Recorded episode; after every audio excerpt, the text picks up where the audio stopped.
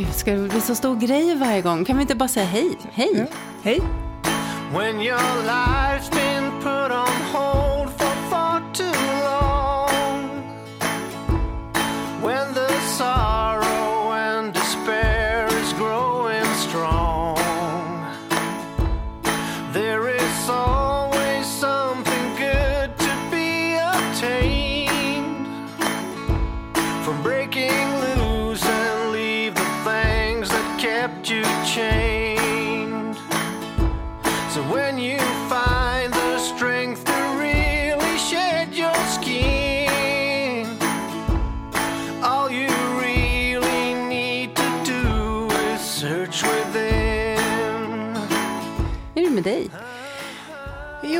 Bra, tycker jag.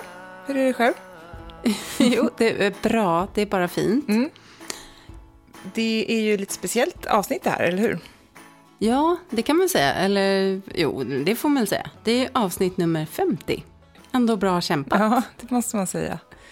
Och eh, snart, typ om en månad lite drygt, så är det ju också två år i kalenderår som vi har haft podden. Ja, just det. Ja, vi spelade väl in det första avsnittet i maj, har för mig, med Sara. Kommer du ihåg hur det lät, Johanna? Jag har faktiskt inte lyssnat på det första avsnittet på ganska länge. Nej, det har inte jag heller gjort. Um, nej, inte, jag minns inte exakt. Vi kanske ska ta och fräscha upp minnet lite och höra en, en liten sekvens av vårt allra, allra första avsnitt från början.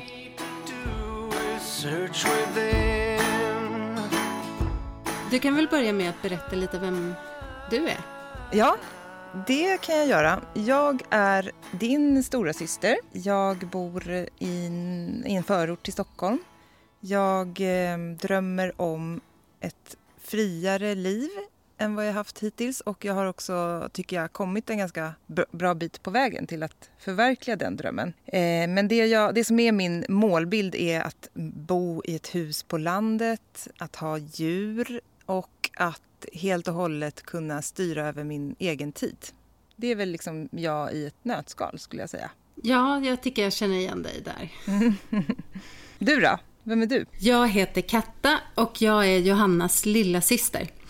Jag älskar också att ha stor frihet och kunna styra min egen tid. Och jag har ganska nyligen flyttat upp till en liten by i norra Dalarna där jag också bor nära naturen som är en annan viktig del för mig. Ja, men det är roligt för det är också det avsnittet som är absolut mest lyssnat eh, när vi tittar på statistiken. Och totalt så är vi snart uppe i 200 000 lyssningar. Det tycker jag är bra. Ja.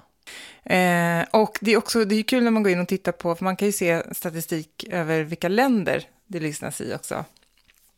Och eh, att vi har ju faktiskt lyssningar i, i 50 länder, minst. Man, får, man kan bara se 50 länder, det är maxantal. Men de fyller vi liksom upp. Och eh, det landet som ligger näst efter Sverige i liksom, antal lyssningar är faktiskt USA. Det var lite otippat, tycker Ja. jag. Och så har vi också till exempel Rwanda på elfte plats. Coolt. Och vilka är det, eller vem är det som lyssnar i Rwanda? Det vore ju kul att ja, veta. hör av er, dig, snälla. Det skulle vara jättekul att veta. Ja, men det är väldigt eh, en, en rik eh, bukett av länder faktiskt i olika världsdelar. Ja, Etiopien, Island, Kap Verde, nu ska vi se. Colombia har vi också lyssnare. Mm. Ja, nej, men det är häftigt. Eh, Ja, ni kan väl ge er till känna i, på Instagram eller eh, eh, i Facebookgruppen. Då vore det kul att veta Ja, vem det är som sitter i Rwanda eller i Colombia och lyssnar på ja, Bortom ekorrhjulet. Skicka med en bild också. ja, det skulle vara jättekul. Eh, man får väl ändå utgå ifrån att det kanske inte är eh, etniska rwandier som sitter och lyssnar. Utan Nej, de kanske inte får ut så mycket av om de inte kan svenska. Nej, Då. precis. Eh, men ja, det skulle vara väldigt kul. Man blir ju jättenyfiken när man ser de där siffrorna. Och vill veta vem det är som, som gömmer sig där bakom. Liksom.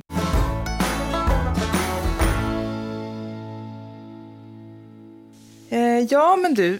Eh, vi tänkte ju faktiskt att vi skulle eh, ändå så här mm, summera lite grann eh, vad vi har liksom, ja, vad vi tar med oss från de här snart två åren och 50 avsnitten.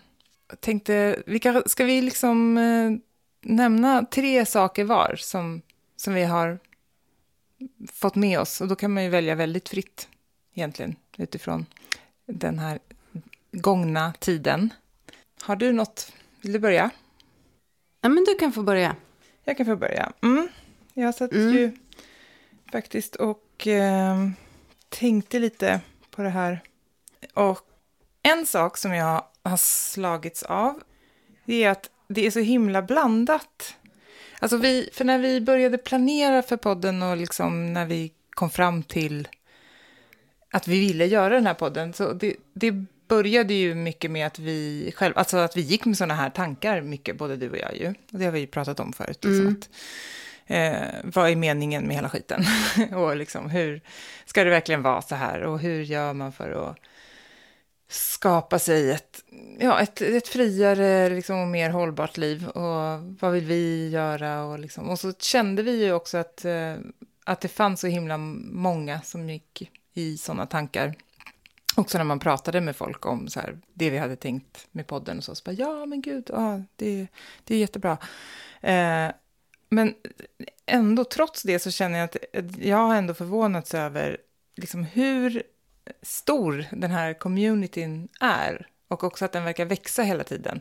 Och att den är så himla liksom, gränsöverskridande. För det är inte alls så att, eh, att det bara är folk som har liksom, kommit upp en bit i ålder. och Alltså som man kanske tänker att man har hållit på med en massa saker och insett att liksom, man vill göra någonting som känns mer kanske meningsfullt eller ja, göra förändringar på olika sätt. Utan det är också ganska många unga människor, alltså folk som precis är i början av eh, att kliva in i ekorrhjulet, som, som inte vill kliva in där. liksom.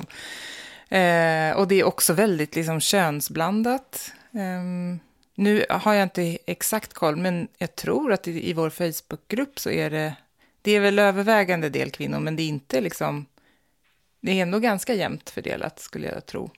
Mm. Ehm, Ja, och det är häftigt att också se. så här blandning mellan alltså folk som bor i storstadsregioner, folk som bor ute i landet och, och också så här fokuset på hur man vill förändra sitt liv ser också ganska olika ut. Så att det tycker jag är väldigt intressant, att det är en sån ändå brokig och eh, liksom månghövdad skara som, som Mm. går med sådana här tankar och funderingar. Det tycker jag är intressant.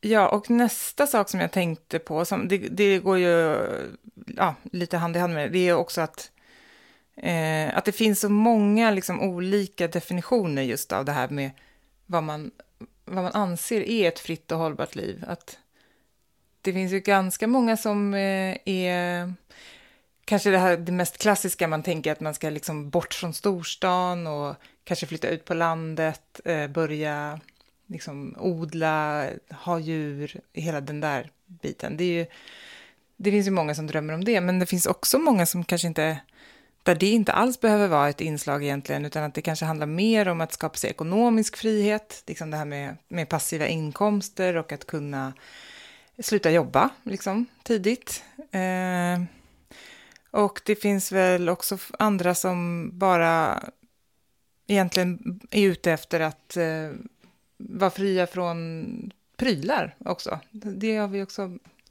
varit ett tema som har varit uppe ganska mycket. Det här med att eh, försöka skala ner och rensa bort och liksom kanske inte ens ha ett, ett hus längre utan bo i en husbil och liksom ha så få saker som det bara går. Och, så att det, det är också intressant att den här innebörden av vad ett fritt liv, fritt och hållbart liv Mm. är för någonting ser ju väldigt olika ut för olika människor. Mm.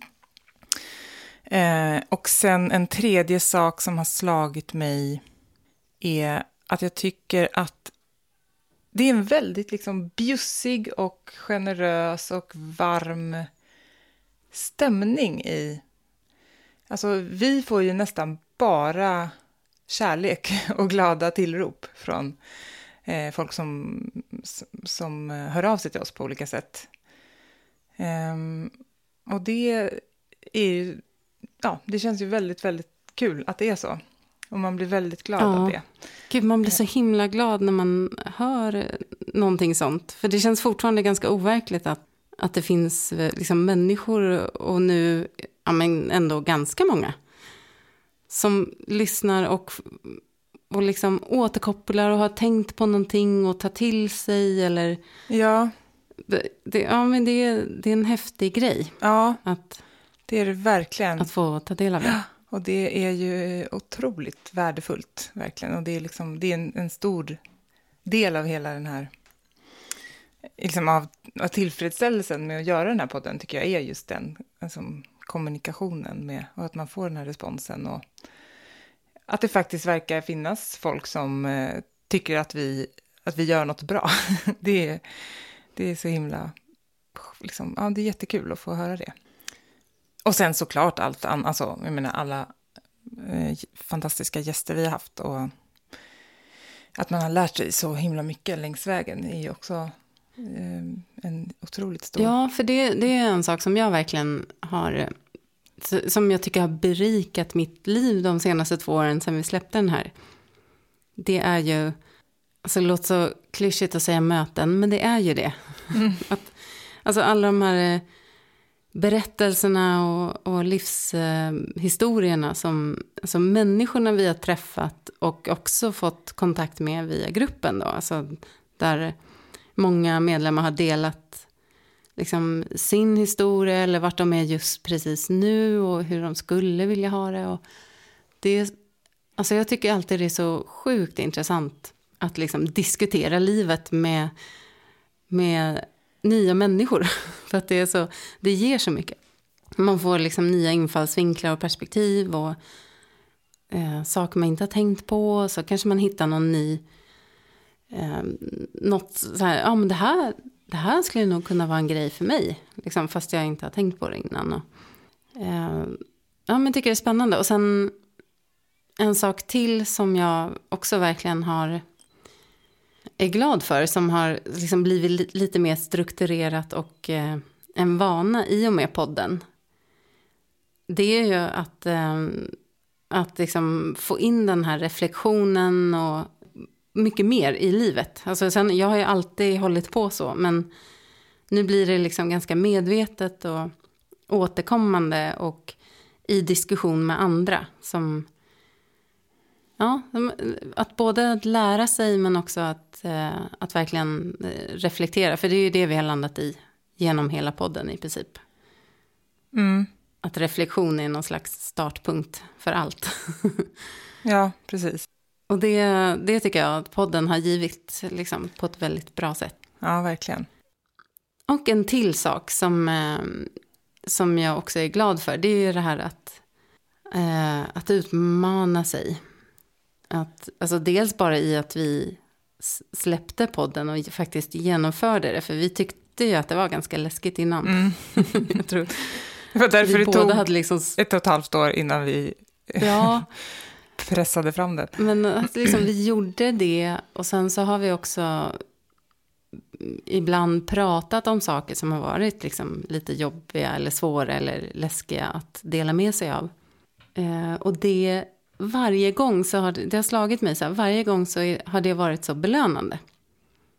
Mm. Dels för att så här, ah, jag, eh, jag pratade om det här och det var, var inte så farligt som jag trodde. Men också i att, eh, att det faktiskt, här, det är inte bara jag. Nej, Det är så många som, vad man än pratar om så är det så många som känner igen sig. Mm. Och, och så här, åh vad, vad skönt att höra det här. Eller typ när vi pratar om att ha skitdagar och mm. ångest. Eller, eller ja, men bara det förra avsnittet när du... att inte stå ut med Kalle och Britta. Visade Ja, sig precis. att det också finns åtminstone en till person som inte gör det. Ja, men jag tycker det är så befriande, eller vad säger man, frigörande. Att, Mm. att liksom, när man börjar dela med sig så brukar det oftast leda till någonting bra. Även om det känns jätteläskigt innan. Ja, men det är ju det här, alltså jag har pratat om det avsnittet eh, om sårbarhet som vi Mm. Precis. eh, hade förra hösten var det, tror jag, som han gästade. Eh, sårbarhetsdepartementet. Eh, och jag, ja, det har jag tänkt på mycket sedan dess. Att våga vara sårbar. För det, det är ju jätteläskigt. Ja, det är ju verkligen det. Men som sagt också eh, alltså, ja, en nödvändighet nästan för att kunna fortsätta liksom, utvecklas och känna att man Mm. bottnar i sig själv på något sätt.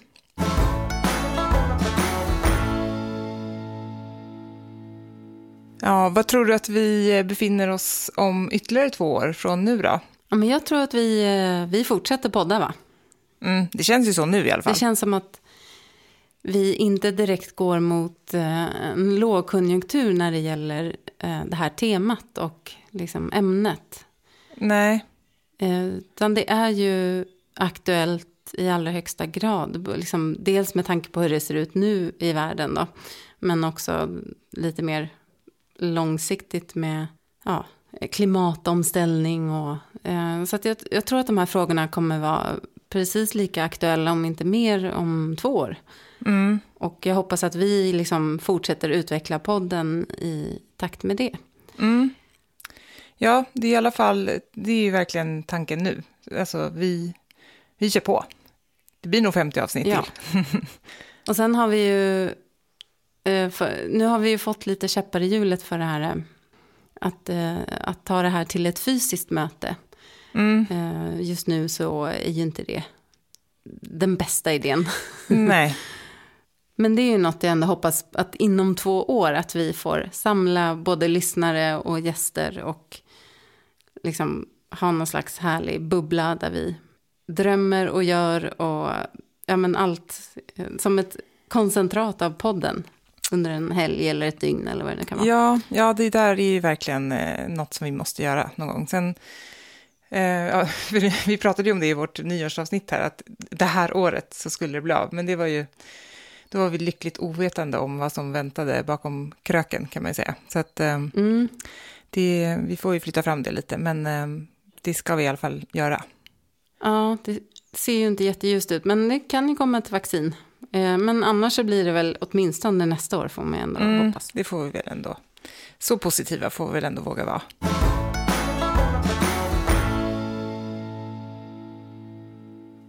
Bra. Ska vi eh, gå vidare mot dagens tema då?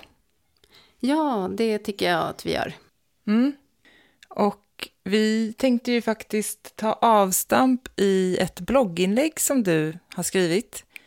Väldigt fint, bra skrivet tycker jag, så det tycker jag verkligen att man kan gå in och läsa på din blogg som heter Bucket Life, om någon inte mm, har varit i kontakt med den tidigare. Och det handlade ju om eh, medvetna val, sliding doors och medvetna val, tror jag det var titeln va? Eller? Mm. Mm. Du kanske vill eh, ge en liten bakgrund? Ja, men det är ju mycket det vi pratar om hela tiden egentligen. Att reflektera och att eh, börja liksom forma sin vardag eller sitt liv eller göra förändringar. Det handlar ju om medvetna val egentligen.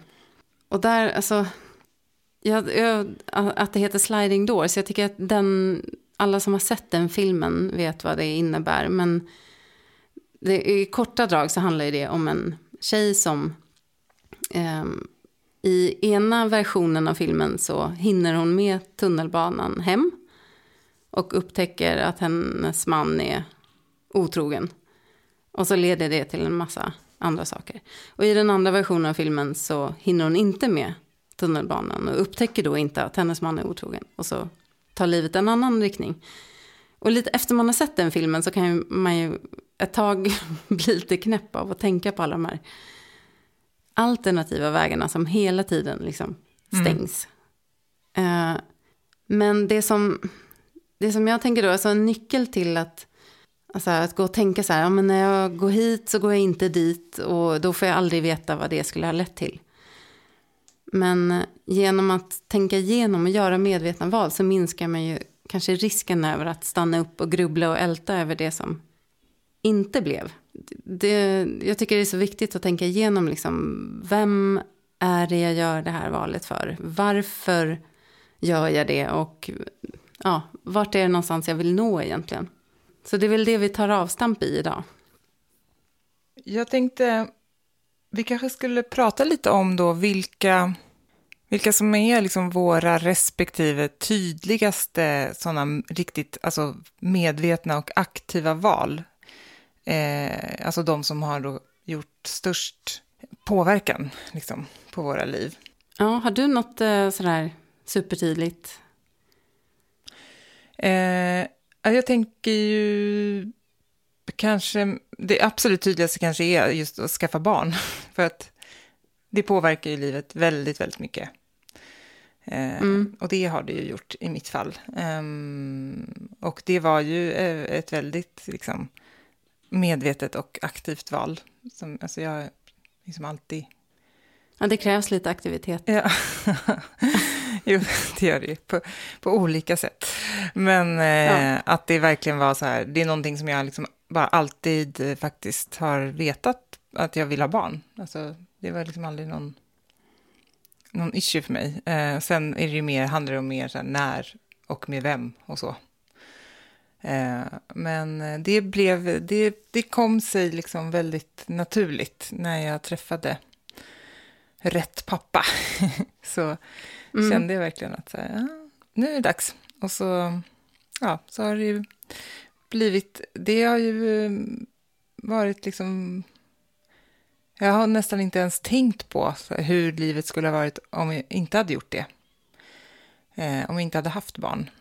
Eh, för nu känns det så himla självklart. Men det finns ju såklart en massa saker som har hänt efter det som aldrig skulle ha hänt om vi inte hade haft två barn. Liksom. Mm. Eh, så det är ju, det är väl det absolut tydligaste skulle jag säga. Men eh, liksom, när du tänker liksom att det var ett aktivt val, men berätta hur, liksom, hur tankarna gick innan då. Alltså, var det liksom, diskuterade du det eller funderade du över själv fram och tillbaks eller eh, hur, eller var det bara så här, att, alltså ja, mm. förstår du vad jag menar? Ja, och det var ju inte så att vi egentligen planerade, alltså tidpunkten så, så tydligt. Det var det ju inte, utan det var mer att Alltså jag och Ola var ju så här, båda var väl överens om, eller väl, vi var överens om att vi, alltså vi visste att vi ville ha barn och liksom att det ingick i så här bilden.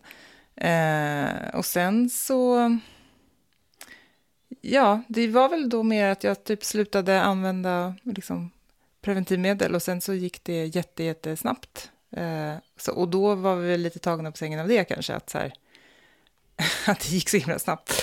Men eh, det var ändå absolut ingen tvekan om, alltså, det, vi tyckte ju båda att det kändes jättebra och att det var ändå, ja det ingick i vår plan liksom. Mm. Um, och det var lite samma sak när vi sen skaffade vårt andra barn, eh, eller ja, i princip var det likadant då, att vi båda visste att vi ville ha ett syskon. Men så gick det också lite snabbare än vad vi hade tänkt, men det blev jättebra. Och nu så här i efterhand så kan jag känna att det blev väldigt, alltså, det var jätte, jättebra att det blev som det blev med. Nu har ju vi tre år mellan, det är precis som du och jag, nästan exakt. Liksom. Mm. Eh, och jag tycker att det är en jättebra, alltså det, jag är glad att vi inte väntade längre. För det som, då var det en väldigt så här, praktisk anledning som var lite så här på tapeten att vi skulle vänta, för att jag jobbade ju då Eh, i regeringskansliet och det var inför Sveriges ordförandeskap i EU. Och jag jobbade ju med, alltså jag var EU-samordnare, så det var, en så här, det var ju som OS typ. Alltså om mm. man är idrottare, att liksom... OS i EU-samordning. Ja, jag vill inte missa OS liksom. Nej. Eh, så det var ju egentligen då... Jag kände ju att jag hade, jag sa att jag ville jobba liksom då, under ordförandeskapet. Men så blev det inte så eftersom jag blev gravid. Så att jag var föräldraledig då. Men så här i efterhand känns det som att det verkligen inte spelar någon roll överhuvudtaget. Liksom i det stora Nej. hela. Så att det blev superbra. Um, ja, så så var det. Och som sagt, jag har ju aldrig, aldrig...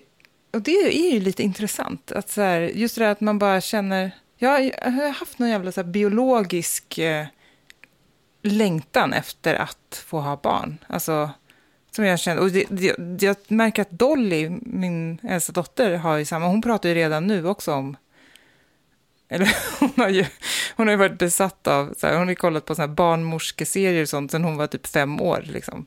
Alltså hon är ju, Mm. och, och, och kan allt om så här förlossningar och menscykeln. Och hon har ju något jättestort intresse för det där som bara, jag vet inte var det kommer ifrån liksom. Eh, men hon, hon känns också som att hon redan nu är jätteinriktad på att hon ska ha barn. Ja. Och säger ofta att hon vill bli ung mamma. Alltså, så det är bara någonting så här. Så det var ju, ja, det är liksom, eh, det var så det, det blev. Jag följde den Mm. instinkten helt enkelt. Det är ju lite intressant att tänka så här, eller som nu, vi pratar ju om det ibland, jag och Ola, så här, att man knappt minns heller hur livet, att vi har haft ett gemensamt liv, bara jag och Ola, ensamma, innan vi skaffade barn. Det var ju ändå, vad var det, två och ett halvt år, något sånt. Så vi hann ju liksom bo ihop i, i två år och så. Och det, det, jag, nu, jag kan liksom inte minnas hur det var. Det var, det var verkligen ett annat liv. Ja. Ja, men det är ju ett väldigt tydligt eh, medvetet val liksom. Mm. Eh, och som får väldigt många ringar på vattnet. Sen för andra val Mm. man gör, till exempel så här, hur man väljer att bo, vilka vänner man får eh, och kanske i viss mån vad man jobbar med. Alltså det är väldigt mycket som också påverkas av det sen ju. Ja, absolut. Apropå sliding doors. Mm, Liksom. precis. Men vad känner du då? Vad har du för... eh, Vad är dina tydligaste liksom, aktiva val som du verkligen har så här medvetet styrt helt själv? Ja, men när jag ser tillbaks så kan jag ju... Jag kan ju se, alltså... Innan jag började för, eh, vad är det nu, sju år sedan, sex, sex år sedan. Eh, liksom innan jag började forma om liksom, min vardag. Så kan jag ju se att jag med jämna mellanrum så liksom gjorde jag så här starka medvetna val och bröt mig loss från vardagen som, som jag levde i som var lite mer normdriven tror jag.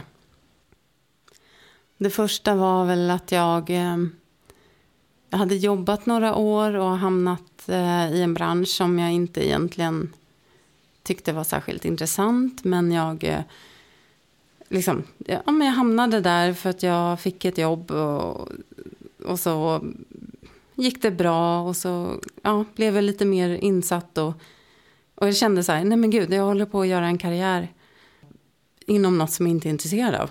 Eh, och sen så, det var ju då när du var och volontärjobbade tre månader i Nicaragua, Mm, när Dolly var liten mm, du och Ola. Eh, och så åkte jag och hälsade på dig och fick verkligen den här känslan av en, en så här epiphany. Att bara, nej, jag vill inte sitta fast. Jag vill kunna resa, jag vill kunna, och så här, jag måste så här skaka om mig själv totalt, bara rycka upp. Så när jag kom hem så tog det en vecka tror jag. Sen hade jag sagt upp mig, eh, lagt ut lägenheten för uthyrning och börjat planera en, en resa. mm, Ehm, så det var ju en sån här tydlig grej där jag verkligen, och så tänkte jag igenom allt så här, ja okej, hur, för jag var ju så här, jag hade miljonlån och kan, kan man ens säga upp sig från ett fast jobb och, och så där. Men, eh, ja, men jag gjorde en väldigt noggrann plan och jag hade liksom hade sparat lite pengar och sen så räknade jag på om jag hyr ut lägenheten då har jag ingen kostnad. Och sen eh, så gav jag mig själv så här att när jag kommer hem, då ska jag söka ett jobb jag verkligen vill ha. Om jag inte har fått det inom tre månader, då får jag ta vilket jobb som helst. Liksom bara hyran kommer in. Um, och så blev det. Så att, alltså, så då gjorde jag ett väldigt medvetet val. Men sen var det som att jag hamnade tillbaks i samma hjulspår som innan. Så jag, liksom, jag gjorde ett avbrott och sen, så, sen fick jag i och för sig ett jobb och jag tyckte det var jättekul. Och, ehm, som jag verkligen aktivt sökte för att det här vill jag göra. Och det var ju jättekul första två åren eller något sånt där. Innan, innan det inte var så roligt. Vilket- på var det på-. Vilket jobb var det? Det var på ett eh, telekomföretag. Där eh, vi skulle starta upp ett nytt eh, liksom, affärsområde. Och sen så blev det en, liksom, vad ska man säga, en lågkonjunktur och det, eller, det gick inte så bra för det här stora företaget. Så att vårt lilla område blev ganska, ja, den satsningen avbröts liksom. Mm. Men då var jag ändå sådär, fortfarande väldigt mycket, att ja, man ska ju ha ett heltidsjobb och eh, man har sina bolån och man ska ha liksom, ja, jobba på det sättet. Och sen gick det några år igen och eh, sen började jag ju verkligen fundera på så här, oh, eh, hur vill jag ha livet liksom. Ehm, och det var ju då jag började göra de här mer långsiktiga förändringarna. Som inte bara så här, för jag har gjort några sådana där liksom tvära avbrott för att sen hoppa tillbaks liksom. Mm. Ehm, men då började jag fundera på att men, liksom, det är ju vardagen jag behöver göra om. Mm. Uh, så det var då hela det. Eh, och, så, och då var jag kanske ja, men 35 typ. Och började verkligen forma om livet. Och då är det, det är både stort och smått. Sådär. Vad vill jag jobba med? Var vill jag bo? Eh, vad behöver jag för att må bra? Och eh, ja, liksom, i, ja, i, i både små och stora delar av livet så har jag liksom försökt verkligen tänka igenom. Vad är det jag tar in? Vad plockar jag bort? Um, men sen är det ändå så där att, att man kan göra avstickare eller hoppa på något som... Jag tror nyckeln för mig är väl mycket att, det, att vara öppen och nyfiken så att man liksom inte missar saker. Men samtidigt veta... Alltså ha, ha en bra koll på eh, vad man mår bra av och drivs av. Liksom. Snarare än att sätta upp så fasta eh, ramar för hur det ska vara. Så för mig kan det vara så att ja, men jag kanske inte vill bo här om två år. Men eh, då kommer jag fundera igenom vad, vad är det jag har saknat här då, och hur kan jag få in mer av det där jag vill bo eller ska bo. Nej, men och där är det ju... Eh liksom, där är det ju verkligen en, en jättestor fördel att, alltså som för dig att vara så fri som det är. För det är ju, om man då backar tillbaka till det här med att, att ha barn, så igen, så är ju det att det gör ju inte alls, alltså, det, då har man ju inte alls de där valmöjligheterna på samma sätt. Sen kan man ju fortfarande, man kan göra de där valen, men det blir liksom ett mycket, mycket, mycket, mycket större steg och mycket krångligare och Ja. fler personer inblandade. Så, så på det sättet så är ju det en väldigt... Och där tror jag, så här, utan att vi skulle kunna ha ett, ett annat avsnitt om det här med att skaffa barn eller inte. Men för mig har ju det varit som ett segdraget, aktivt men lite passivt val. För att jag liksom, jag har inte liksom velat säga ja eller nej. Men jag har liksom eh, gjort flera aktiva val att inte skaffa barn eh, under livet, alltså i olika relationer. För att jag har nog känt så att det här blir nog inte bra. Mm. För att liksom, jag ha- hade inte landat där jag ville vara. Jag kände nog att... att eh, ja, men, man- för att säga att jag skaffar barn och bor i en annan stad. Då blir jag ganska låst till den staden. Mm. Och om jag inte trivs där.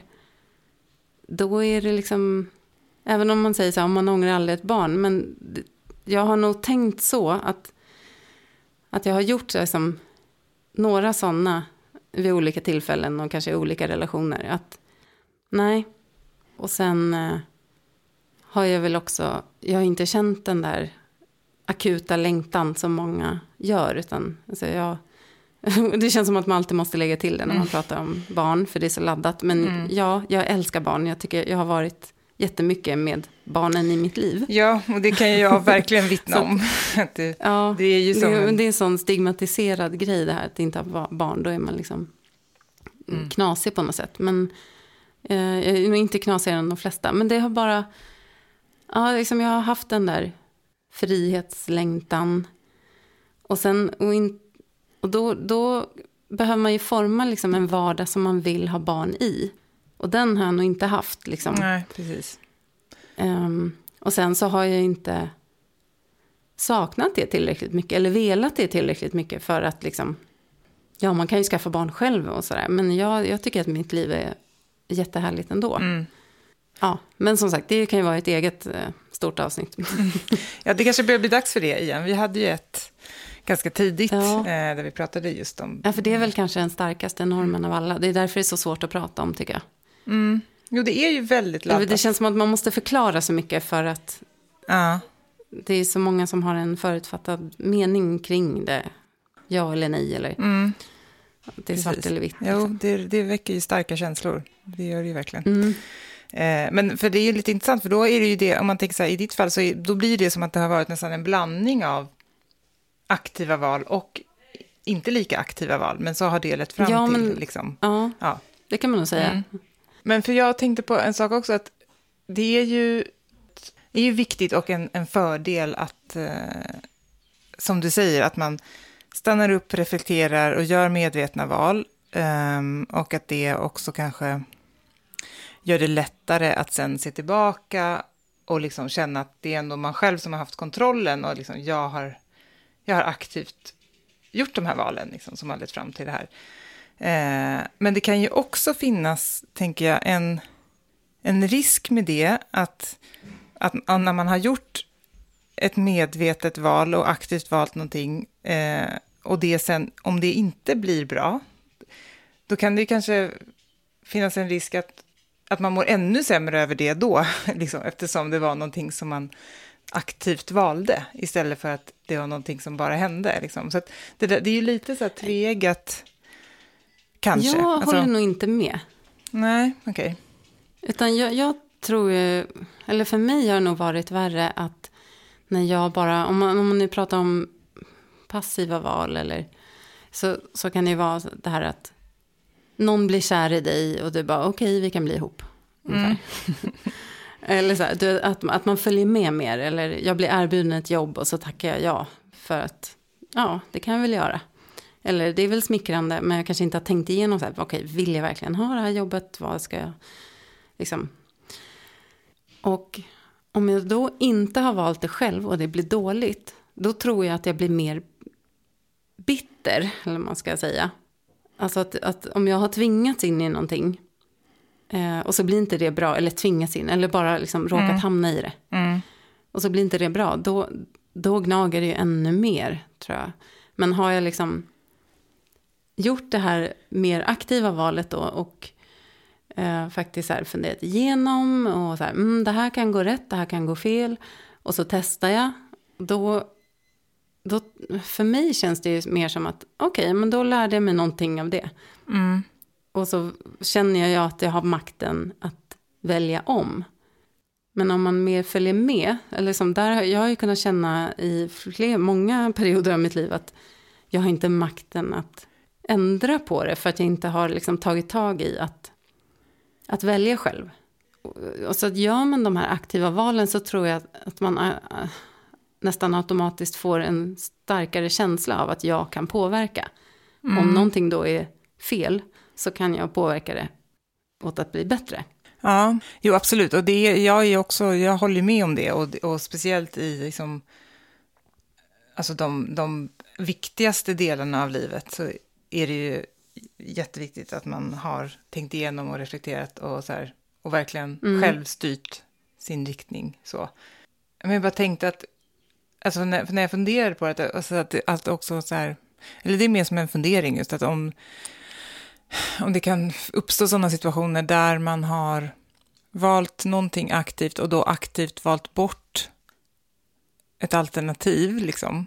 Eh, och sen i Mm. efterhand så kanske man ser att det där man valde bort hade blivit mycket bättre. Liksom. Alltså, jag, det är inte baserat på egen erfarenhet eller så, men jag kan tänka mig att det kan ju också finnas sådana situationer liksom, där man känner att... Ja, ja, absolut. men i det stora hela så är det ju såklart, måste det ju vara mycket bättre att man själv har ja, makten över sitt eget liv. Liksom. Ja, så handlar det lite om, om kanske grunden till valet också. Om man valde bort någonting av bekvämlighet eller rädsla. Är Jag har ett sånt exempel där jag, jag hade fått mitt första jobb. Och det var ju precis när den här it-bubblan sprack. så att det, det var ju så här, åh, jag fick ett jobb, det var ju bra. Mm. Men så hade jag samtidigt eh, sökt en utbytestermin, alltså jag skulle läsa en magistertermin i Sydney. Och det var jag ju också jättesugen på.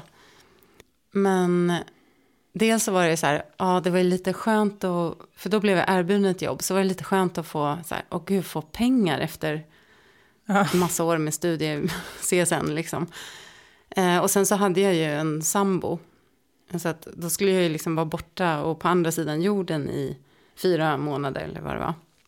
Ehm, och då, då valde jag faktiskt att nej, jag stannar hemma och jag tar det här jobbet. Men det var ju lite mer av bekvämlighet och kanske en rädsla för men vad händer med min relation om, om jag åker iväg. Eller, Mm. Eh, och jag var väl inte så pass trygg. Det var inte så långt efter att mamma hade gått bort. Och han var en stor trygghet för mig. Och, så det var liksom mer så här trygghetsgrej. Mm. Men det där äventyret lockade ju också så här. Och det vet jag att jag liksom ångrade länge. Att, för jag såg några av mina studiekompisar, de åkte ju. Ja. Och hade en jättehärlig termin. Liksom. Eh, samtidigt så kan jag, kan jag känna nu så här, jo men ja, jag gjorde det valet. Eh, och det var kanske det bästa då, då för att jag, jag kanske inte hade mått så bra om jag hade åkt iväg och relationen hade havererat. Och, sen gjorde den ju det några år senare. Men Ja. Precis, men det kanske också var just med tanke på det läget du befann dig i då, att det var väldigt så här skör och ja, liksom, ja, hela livet hade ju verkligen vänts upp och ner. Så. Men där är just när man vet så här, ja men det här valet gjorde jag lite av, ja men någon typ av rädsla eller eh, liksom fel grunder. Då kan det gräma mig mer än om jag faktiskt väljer bort. Jag, alltså jag hittade, apropå det, så, så är det ett citat som jag har sett någonstans som fastnade hos mig. Ju mer du tycker om dina val, desto mindre behöver du att andra gillar dem. Och sen har jag liksom själv lagt till, och desto mer kommer du tycka om din vardag. Mm. Men det är lite för att om, om ett val har landat i det och att det, liksom, att det känns bra och rätt.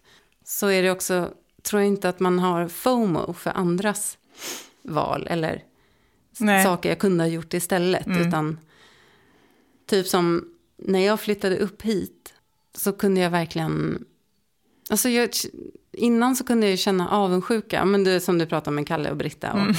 liksom. Som jag fortfarande känner. Men då var jag så himla nöjd med mitt val. Att liksom, Mm. inget annat kändes... Så här, och det är jag fortfarande. Så här, men, och även om man så här, såg någon som bara, åh vad coolt att driva en strandbar i Costa Rica. Men det var ju så här, det är inget jag längtar efter. För att jag har det, liksom mitt bästa liv här. Mm. Och jag tror att det ligger någonting i det. Eller jag tyckte det citatet, det bara fastnade i mig. Och dessutom så bryr man sig mindre om vad andra tycker. Om det verkligen har landat i en själv. Mm. Absolut. Men gör man liksom val mycket utifrån, och kanske, det kanske inte alltid är medvetet, men utifrån vad man borde eller vad andra tycker, då, då är det ju svårare att trivas i det själv också. Mm.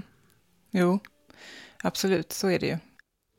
Men det här tycker jag är så intressant med, för om man pratar om omedvetna val så är det ju, alltså hela dagen är ju full av en massa val. Mm. Så man går ju upp och så äter man någon frukost och så, ja varför åt jag det här då? Eller Liksom, kanske för att jag alltid har gjort det eller någon gång har jag valt det.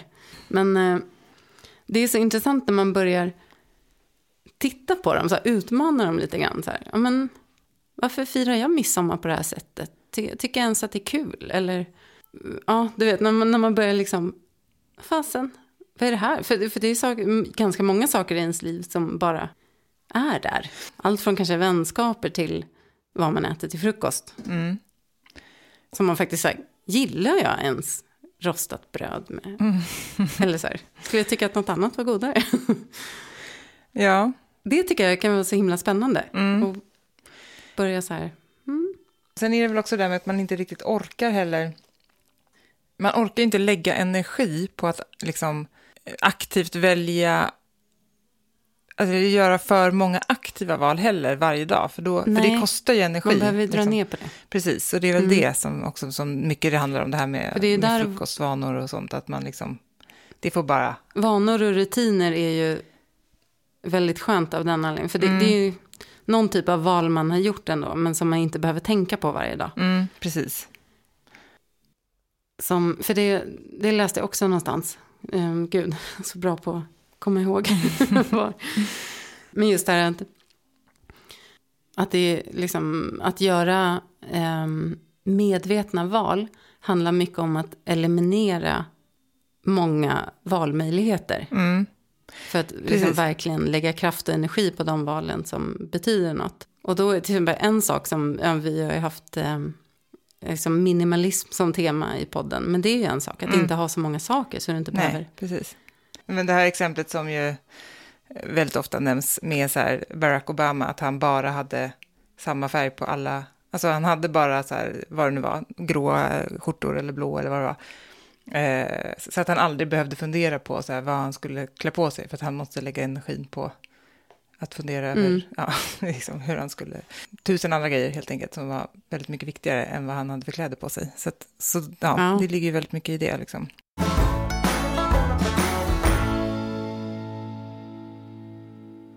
Men jag tänker på, för det är också intressant då, och så här, dels, för då har man ju de där viktiga medvetna valen som man har gjort. Där, där känner jag till exempel att så här, med eh, hela så här, min utbildning och min yrkesbana var ju inte alls styrd av medvetna val egentligen, förrän nu. Inte dina medvetna val. Nej, inte, en- egentligen inte någon annans heller, för det var mer styrt av att jag inte ville göra som pappa sa att jag skulle göra, typ. eh, och, och också att jag, jag vet inte, jag hade ingen tydlig så här, kompass. Jag, jag kände Nej. verkligen, jag kommer ihåg det, jag kände det när jag skulle så här, söka till, till universitetet. Dels att jag inte alls egentligen var så säker på att jag ville plugga på universitetet, men det var liksom, det kändes som att det måste man bara göra. Liksom.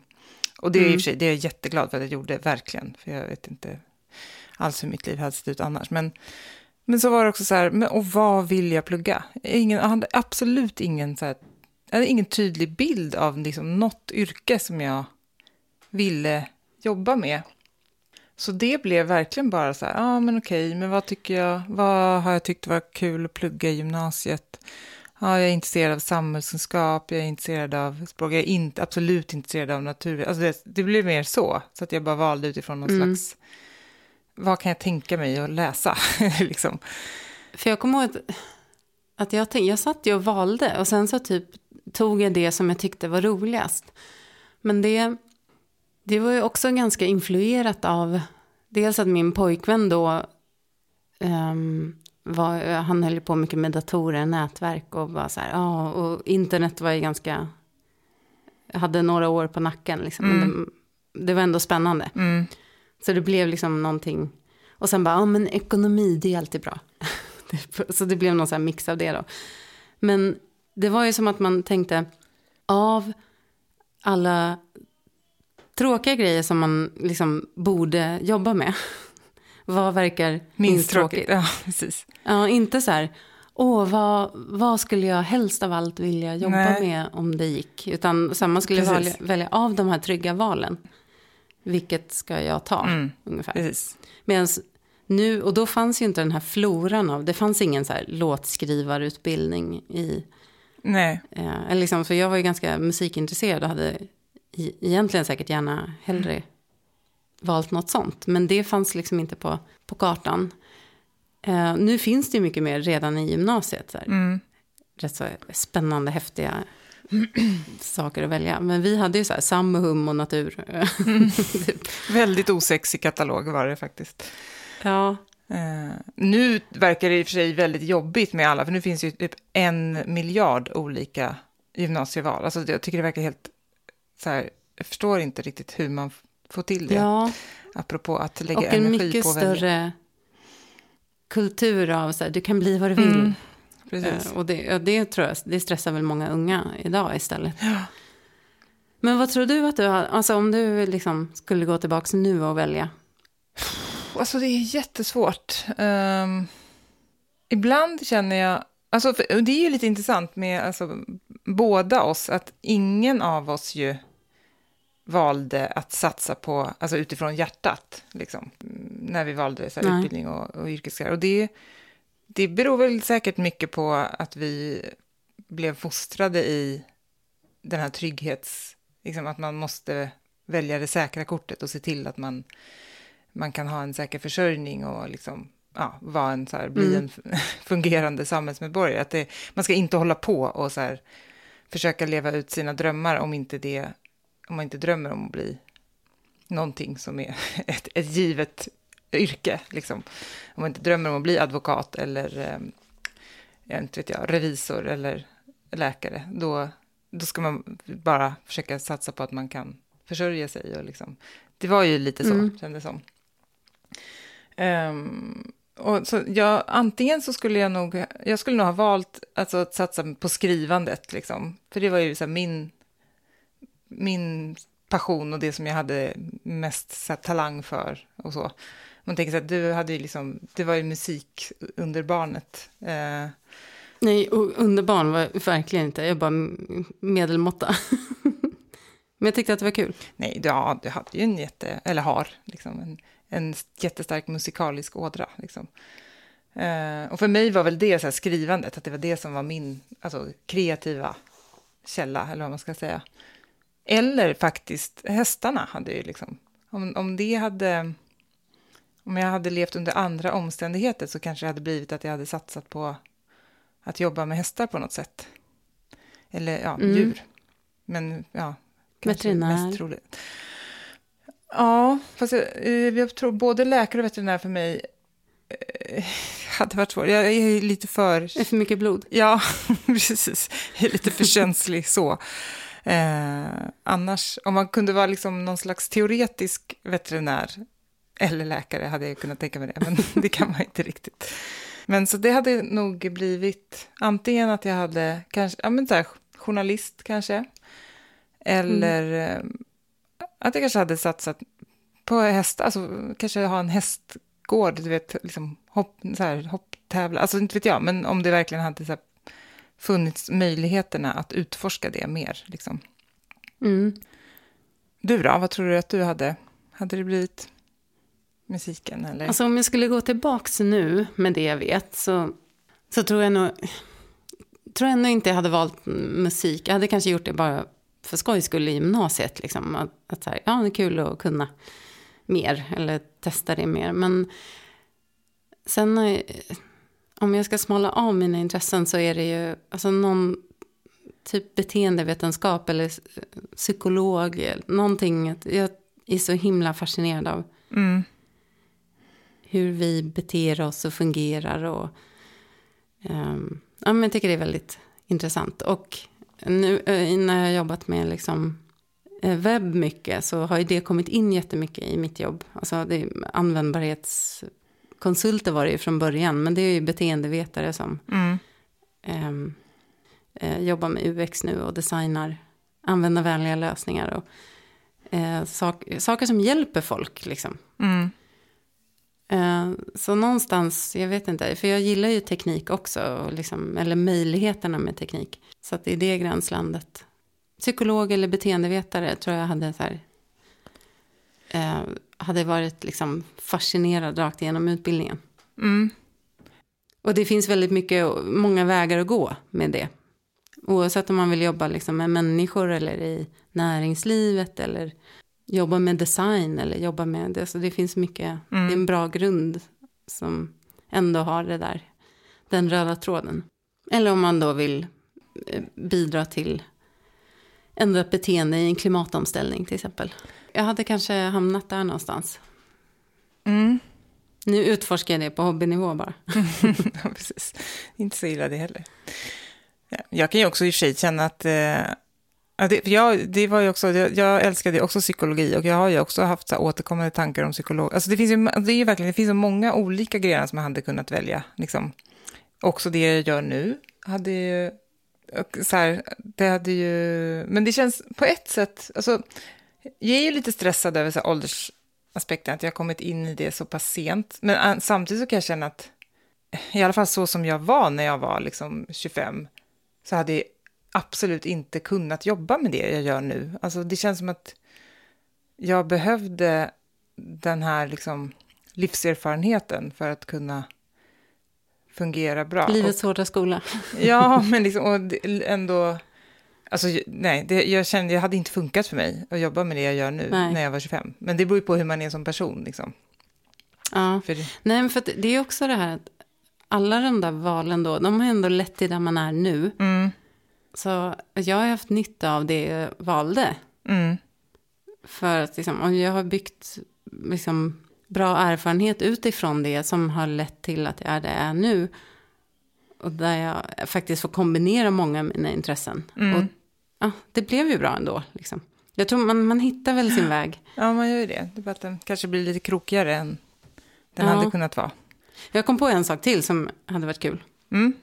Eller som jag hade kunnat. Det, är- det är att satsa mer på foto. Ja, just det. Ja, Uttryck. absolut. Ja. Mm. Men det kan du ju Men det kan jag ju fortfarande Precis. det kan du ju faktiskt. Eller man kan väl göra det mesta, förutom att bli elitgymnast kanske. Mm.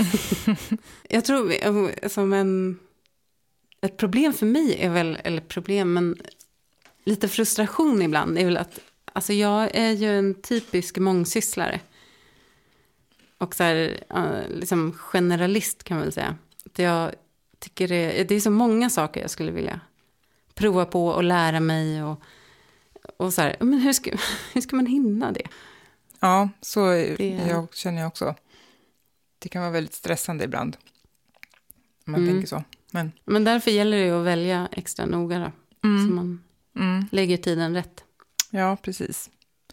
Och så får man ju ändå tänka att är det någonting som man helt plötsligt känner sig så passionerat sugen på att utforska så, så kan man ju fortfarande göra det. Liksom. Det kanske bara Mm. kräver lite mer målmedvetenhet och lite mer ansträngning, men det går ju. Liksom.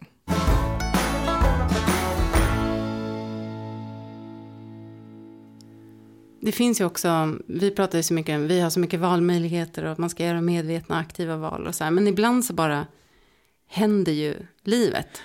Om man liksom tvingas in i någonting mer eller mindre. Som nu, Mm. eh, på en global nivå så har vi ju tvingats in i nya omständigheter.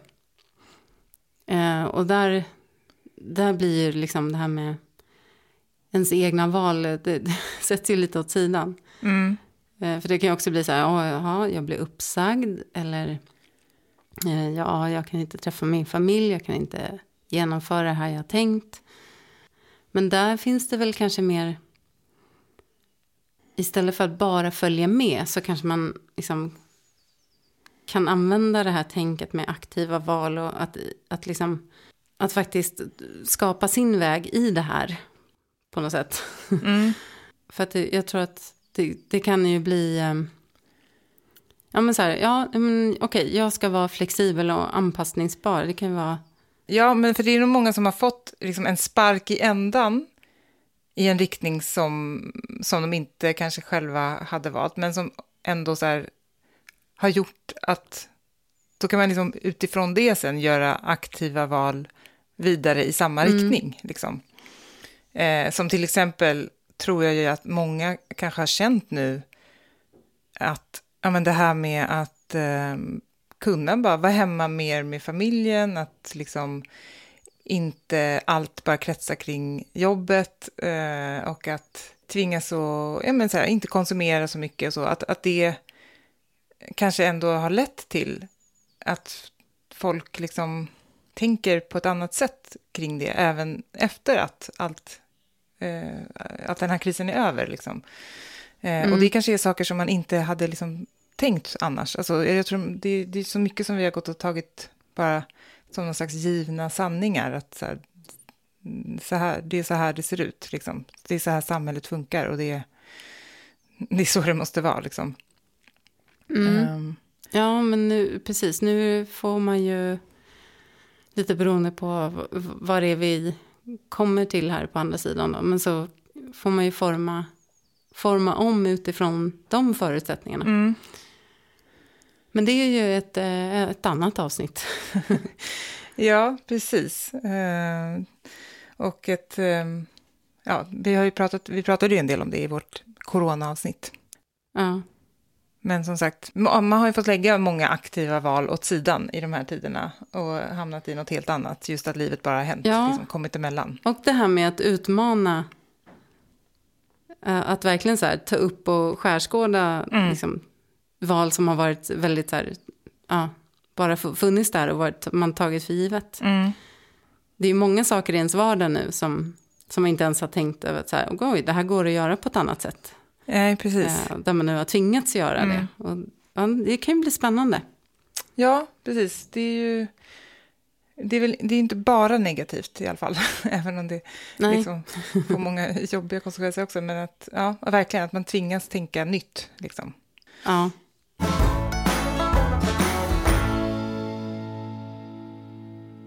Ska vi eh, sätta stopp där för idag? ja, vi tackar för idag. Mm. Och för de här 50 avsnitten. Hoppas ni hänger med i alla fall minst i 50 avsnitt till. Och eh, vi tackar också Sven Karlsson och Epidemic Sound. Han kanske också hänger med i 50 avsnitt till, vem vet? Ja, det hoppas jag på. Jag det har svårt att se att vi kan hitta en bättre poddlåt faktiskt. Ja, det har jag också. Härligt, eh, men då så hörs vi om två veckor igen då. Det gör vi. Vi har många kloka aktiva val nu. Ja. ha det så bra. Hej då! Hej då!